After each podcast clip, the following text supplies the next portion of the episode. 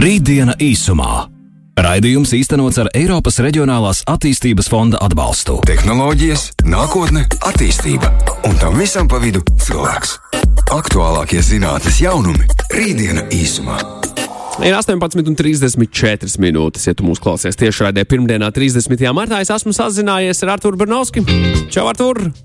Čau, Magnus! Esi sveicināts. Atālināt arī to es pieslēgts beidzot radio, Jā. radio aparātam. Un, huh, nu ko par, par, nu par, par aktuālāko, ne? Par, Jā, nu, ir jauna laika. tā kā Es pat teiktu, kā tehnoloģija jomā, es teiktu, man šobrīd ir tāda sajūta, ka 2000. gada sagaidīšana milēniju, ka bija kaut kāds iepriekšējais posms, un tagad, kā kad gaidīja milēniju, pēkšņi būs kaut kāds jaunā tūkstošgada, kaut kas pilnīgi jauns.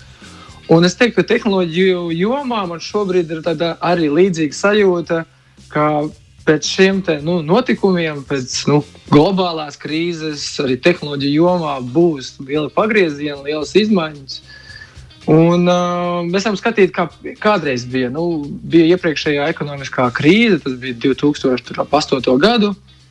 Un ap to laiku radās nu, lieli, lieli tādas lielas korporācijas, lieli tehnoloģiju uzņēmumi, kas mainīja patiesībā pat mūsu ikdienu. Un, uh, piemēram, šīs visas uh, iepriekšējās, kas bija pirms tās krīzes ekonomikas, viņas pamainījās uz to saucamo to sharing ekonomiju, jeb dalīšanās ekonomiku. Jo bija finanšu krīze, bija problēmas ar finansēm, un uzņēmumi redzēja, ka tajā visā nu, ir potenciāls kaut kāds jauns, jauns, jauns perspektīvas. Un reku radās Uber ar, dalī, ar auto šo šoferu vai taksometru dalīšanos. Airbnb, kas deva iespēju iznomāt vai izdarīt savu dzīvokli citiem, kolektīvās iepirkšanās portāli, coworking, jeb šīs te, koprades telpas, kopsrādes telpas. Visas šīs te, nu, patiesībā jaunu, kas mums šobrīd ir ikdiena, liekas, bet tajā brīdī tas bija kaut kas pilnīgi jauns un pamainīja šo vispār ekonomisko virzienu. Un šobrīd, nu, redzot to, ka atkal viss mainās, ka mēs sēžam mājās, lielākā daļa, ko es arī sēžu mājās, strādāju no mājām. Un šobrīd nu, tas attālinātais darbs, jeb šis darbs attālināt, nu, jau ir kļuvis aktuāls un nu, patiesībā būs kaut kādā formā iedzīvināts arī ikdienā. Līdz ar to jautājums ir, kas ir tas, kas palīdzēs. Raf, tas ir Artur, runājot Jā. par attālināto darbu, sazinoties ar, ar, ar draugiem, laikabiedriem un, un cilvēkiem, kas šobrīd strādā attālināti, lielākā daļa saka, ka viņu produktivitāte ir palielinājusies patiesībā. Darba uzdevumi ar tiem cilvēkiem, ar ko es esmu runājis, tiek izpildīti ar uzviju, un, un viss, viss, viss notiek. Tie, laikam, tā būs tāda izšķiršanās no darba devēja puses par to, pieļaut, ka tos darbinieks strādā attālināti vai tomēr ne. Jā, nu, eh, ar to produktivitāti tur ir eh, nu, tā, kā saka, triki, tā drusciņa viltīgi. Jo, ja, protams, visu sāorganizē, tad tur ir produktivitāte. Tur ir produktivitāte, un tāpēc ir atkal nāk tālāk šīs te tehnoloģijas, kuras mēs šobrīd varbūt arī nedaudz pieminēsim, kas palīdz šo produktivitāti veidot. Jo, piemēram, nu, pie mums varbūt tā mazāk, bet arī tā skaitā, bet lielpilsētās ļoti liela problēma ir nokļūšana līdz darbam. Un iedomājieties, ja man tagad nu, ir līdz darbam jābrauc stunda vai pusotra stunda, un tieši tāpat uz mājām, tas ir trīs stundas ceļā. Kas, ja man darba diena ir astoņas stundas, un trīs stundas man ir ceļā, gandrīz pusi darba laika vai darba dienas kaut kādu laiku man es pavadu ceļā. Un, ja es to visu daru mājās, es trīs stundas ietaupu. Kā, protams, ka, ja mēs skatāmies daudz dažādās niansēs, tad produktivitāti var veidot, bet uh, to var darīt tikai tad, ja tiešām viss ir saplānots. Un, ja darba devējs prot šo visu samanģēt, saplānot ar dažādiem virtuāliem rīkiem, tad uh, tas noteikti palīdz. Un, nu, ņemsim sākot ar šo komunikācijas rīkiem. Nu, mums ir reku, tagad sazvanāmies caur messengeriem. Mēs varam sarakstīties e-pastos, mēs varam nosūtīt ziņas nu, momentā. Tas, viss varbūt kādreiz liktos tāds neiespējams, bet šobrīd tiešām tas viss ir diezgan ātri, ātri vienkārši izdarāms. Ir mākoņu servis, kas ļauj glabāt datus, kas nozīmē piekļūšanu šiem datiem no jebkuras vietas. Ir serveri vai ir šīs centrālas, kurā glabājas dati, un es no mājas, no kafejnīcas, no kuras vietas varu pieslēgties un šo dokumentu dabūt. Man nav jābrauc speciāli uz oficiālu, uz darba eh, stacionāro, stacionāro datoru, lai pieslēgtos. Es varu to darīt no mājām. Tieši tāpat eh, citi komunikāciju rīki, eh, dažādi čati un citas lietas, kas ar, arī palīdz mums ātri menedžēt šīs lietas. Tieši tāpat arī tādas produktivitātes plānošanas platformas arī palīdz. Tur ir laika plānošanas vai darba plānošanas platformas. Tad, ja visus šos instrumentus izmanto, tad tiešām var produktīvi strādāt. Bet uh, gadījumā, ja kaut kas nav, nu tad, uh, tad, protams, tā produktivitāte ir subjektīva. Jo nu, tad vairāk balstās uz to, cik es pats laiku atvēlu šim darbam. Un tā ir skaitā īstenībā vēl viens no instrumentiem, kas mums patiesībā Latvijā ir ļoti labi, ir šī e-identitāte. Ka es ar e-parakstu vai nu, patiesībā ar banku, varbūt identitātēm spēju sevi identificēt. Man nav nekur klātienē jābūt. Es varu dokumentu parakstīt attālināti. Un šo dokumentu ar e-pastu nosūtīt, un man ietaupās laiks. Man nav vairs nepieciešams doties uz kādu valsts iestādi vai uz kādu tikšanos parakstīt dokumentu. To es vienkārši izdaru attālināti. Un, ja mēs skatāmies, cik daudz laiks ietaupās ar šiem instrumentiem, nu, es parakstu elektronisku dokumentu, aizsūtu e-pastā, tās ir vietai viena minūte. Bet, ja man būtu viņš jāparaksta fiziski, jābrauc uz tikšanos, jāpaņem dokuments, jābrauc atpakaļ, tā ir vēl stunda klāta. Tā kā ja mēs skatāmies, tad tiešām nu, teikšu, šī gadsimta šīs te tehnoloģijas bija sataisītas, viss bija gatavs, bet viņas vēl nebija iedzīvojušās. Nu, dažādu iemeslu dēļ, ieradumi, uzņēmumiem nebija varbūt resursu, zināšanu. Tad šobrīd nu, šis ir viss tas, kas vai nu jau ir jāsāk lietot, vai uzņēmumi sāks lietot, vai arī es pat teiktu, valsts uzspiedīs. Nu, labā ziņā uzspiedīs, jo tas tiešām rada šo kolektīvo produktivitāti, ne tikai individuālo.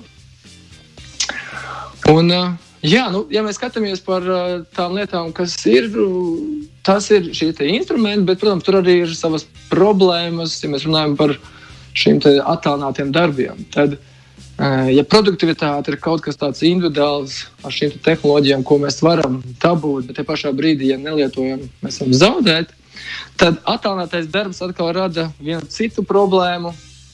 Zūd šīs te, nu, piederības sajūta, šī te, nu, uh, sajūta, ka esi viens vienots vesels ar uzņēmumu, tu jūties nedaudz pamests. Ja tu nu, dienu mazāk, bet ja tu kādu mēnesi neesi oficiālā, nevienu nesaties, bet tikai e-pastos, nu, šī emocionālā saikne zūd. Un dēļ šīs emocionālās saiknes pazušanas, nu, tad arī sāks kritie, kristies tā produktivitāte, nu, tādā darba atdevē. Par ko jau runā, par ko daudz runā, un kur jau runā par to, kā nodrošināt šo piederības sajūtu arī tad, kad ja tu esi attālināti mājās. Jo, ja mēs esam oficiālā, mēs visi tur čalojam, runājamies, mūs tur motivē vadība, mēs jūtamies piederīgi uzņēmumam strādājam produktīvi. Bet, ja mēs esam mājās attālināti, tad nu, sāk pazust šī sajūta, šī piederība, un tad nu, sāk piezakties slinkums un citas lietas. Jā. Ar tur, re, kur, piemēram, kāds klausītājs Kaspīčs raksta šādu čau, bet ar, dra, da, datu drošību ir tā, kā ir, un, un tīkls Jā. ir pārslogots. Jā, datu drošība tā ir nākamā problēma, kas var rasties un patiesībā kaut kādā brīdī būs. Jo nu, es teiktu, datu drošība plus otrs paralēlais, tas ir šie hackeri, urķi, kas arī to visu izmantos. Jo, uh, Līdz ko mēs esam no mājām, pieslēdzamies kādam serverim vai datiem klāt, attālināti. Tas nozīmē, ka arī jebkurš cits var pieslēgties klāt. Un tad ir jautājums par šo drošību, šo drošību, cik šī sistēma ir droša. Un, ja šobrīd nu, liela tehnoloģija uzņēmumi tomēr nodrošinājās ar to, ka uh, nu, šīs sistēmas vai svarīgās sistēmas bija slēgtas un attālināti, viņām neļāva pieslēgties, tad jā, nu, dzīve piespiedīs visiem strādāt attālināt no mājām, tad uh, tehnoloģiski tas būs iespējams, bet radīsies jautājums par šo drošību, gan datu drošību, gan tehnoloģisko drošību, gan arī pašas sistēmas drošību. Un, uh, es teiktu, tas līdzīgi kā ar vīrusiem. Vīrusiem datorā. Būs antivīrus, bet noteikti tie būs pēc tam, kad būs jau kaut kādas problēmas radušās. Tieši tāpat būs ar datu drošību un ar šo datu uzlaušanām. Viņas būs, par viņiem būtu noteikti būt jāsāk domāt, tie uzņēmumi, kas nodrošina šo attālināto pieeju, attālināto darbu, jā, par to noteikti būtu jāpiedomā ļoti, ļoti, ļoti, ļoti, ļoti, ļoti īpaši. Jo tās noteikti radīsies ar vien vairāk un vairāk. Rītdiena īsumā. Turpinot rītdienu īsumā, viena, viena replika no manas puses tiem klausītājiem, kuri, kuri raksta par attālinātā darba produktivitāti. Mirklī, ka tev divi bērni mājās apkārt skraida, tad tā produktivitāte krītas. Un jā, mājās tomēr ir jāpieskata bērni, Mārtiņa un Harija. Piekrīt, piebiedrojos, bet mirklī, kad uh, ārkārtējais stāvoklis Latvijā būs beidzies, uh, un, uh, un būs iespēja strādāt attālināti no mājām. Mirklī, kad tur nav, uh, nav, nav, nav jaunās paaudzes, kas, kas paņem laiku un enerģiju. Un, un, un, un to visu tad tas, tad tas mainās, protams. Tad tā produktivitāte man gribētos domāt, nu, ir labāka nekā šobrīd, iespējams. Jā, Arthurs Bernauskas joprojām ir uh, otrā pusē uh, telefona līnijai. Uh, runājot par, uh, par datu drošību, mēs tur sākām par datu drošību. Man uzreiz pirmais prātā ienāca biznesa, ko es, es, es esmu pārliecināts, ka diezgan daudz virtuālajie privātie tīkli tika izpirkti. Daudziem, kam nebija šis aktuāli, tagad, uh, tagad ir aktuāli. Jā, nu, es teiktu, šobrīd parādīsies tiešām jaunas lietas, jaunas aktualitātes. Un uh, viena no tām lietām, primārām lietām būs, ko mēs varam izdarīt attālināti. Un, ja, mums jau šobrīd patiesībā viss ir pieejams, tikai viss atkarīgs no tā līmeņa. Uh, cik viņš ir sagatavots, cik viņš ir dārgs un cik viņš ir šobrīd avansēts.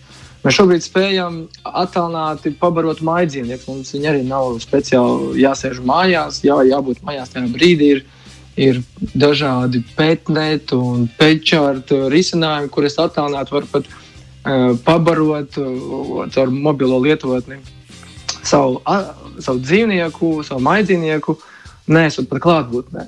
Un, uh, mēs šobrīd tiešām varam izdarīt visas lietas attālināti. Jautājums, kā viņš iedzīvosies. Un, ja mēs skatāmies no tāda nu, globāla, globāla skatījuma, kā valsts var palīdzēt, tad nu, šobrīd patiesībā Ķīna ir tieši tā, kas nu, pirmkārt tehnoloģiski ļoti attīstīta.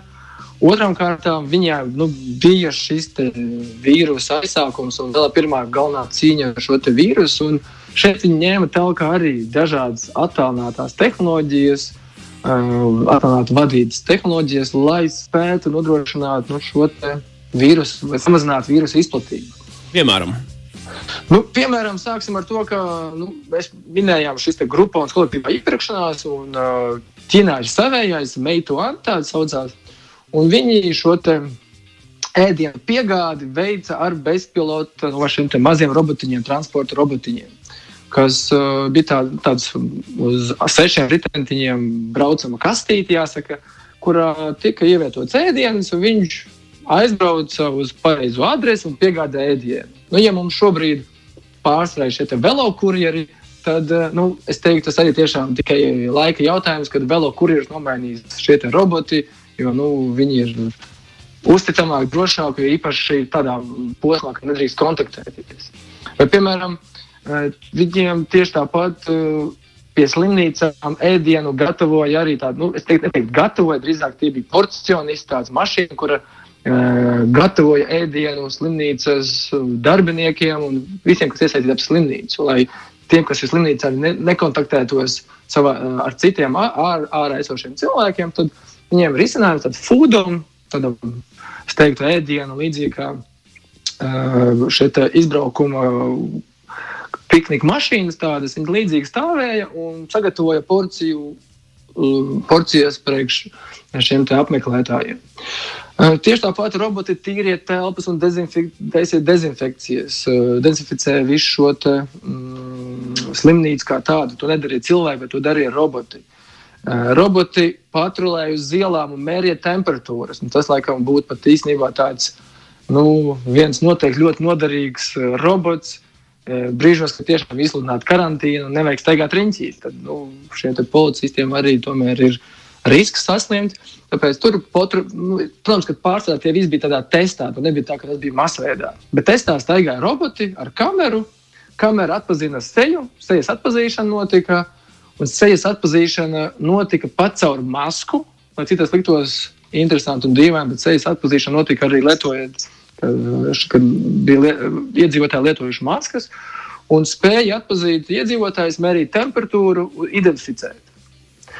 Un tas, ko šobrīd Ķīna notestējumi pierādīja, un uh, tai seko Indija, Singapūra un citas valstis, ka ar mobilo lietotņu palīdzību uh, mobilizēja sabiedrību tajā konkrētajā zonā. Un Ķīnai bija izveidota tāda lietotne, kur katram iedzīvotājam vajadzēja reģistrēties un lietot. Un viņiem konkrētā laikā parādīja, vai viņš drīkst doties ārā nu, sabiedrībā vai uz darbu. Un, ja viņam tajā lietotnē parādījās zaļā gaisma, viņš drīkstēja doties sabiedrībā. Un, ja viņš ir dzeltenā vai sarkanā, tad viņš ir nu uzraudzībā vai nedrošajā zonā. Un uh, līdzīgu aplikāciju šobrīd izstrādāja Indijā, jo nu, šobrīd arī tur gatavojas uh, nu, šeit, šeit pandēmijas lielai, lielam pandēmijas uzbrukumam. Jāsaka. Un viņiem izstrādāja tādu aplikāciju ar nosaukumu Covid, Covid 20. Un tāds nosaukums jā, nu, motivējoši. No. Nu. Motivējoši tieši tā. Un arī ar līdzīgām funkcijām. Ar līdzīgām funkcijām, ar līdzīgu mērķi, e, sekot līdzi, uzraudzīt un mobilizēt cilvēkus.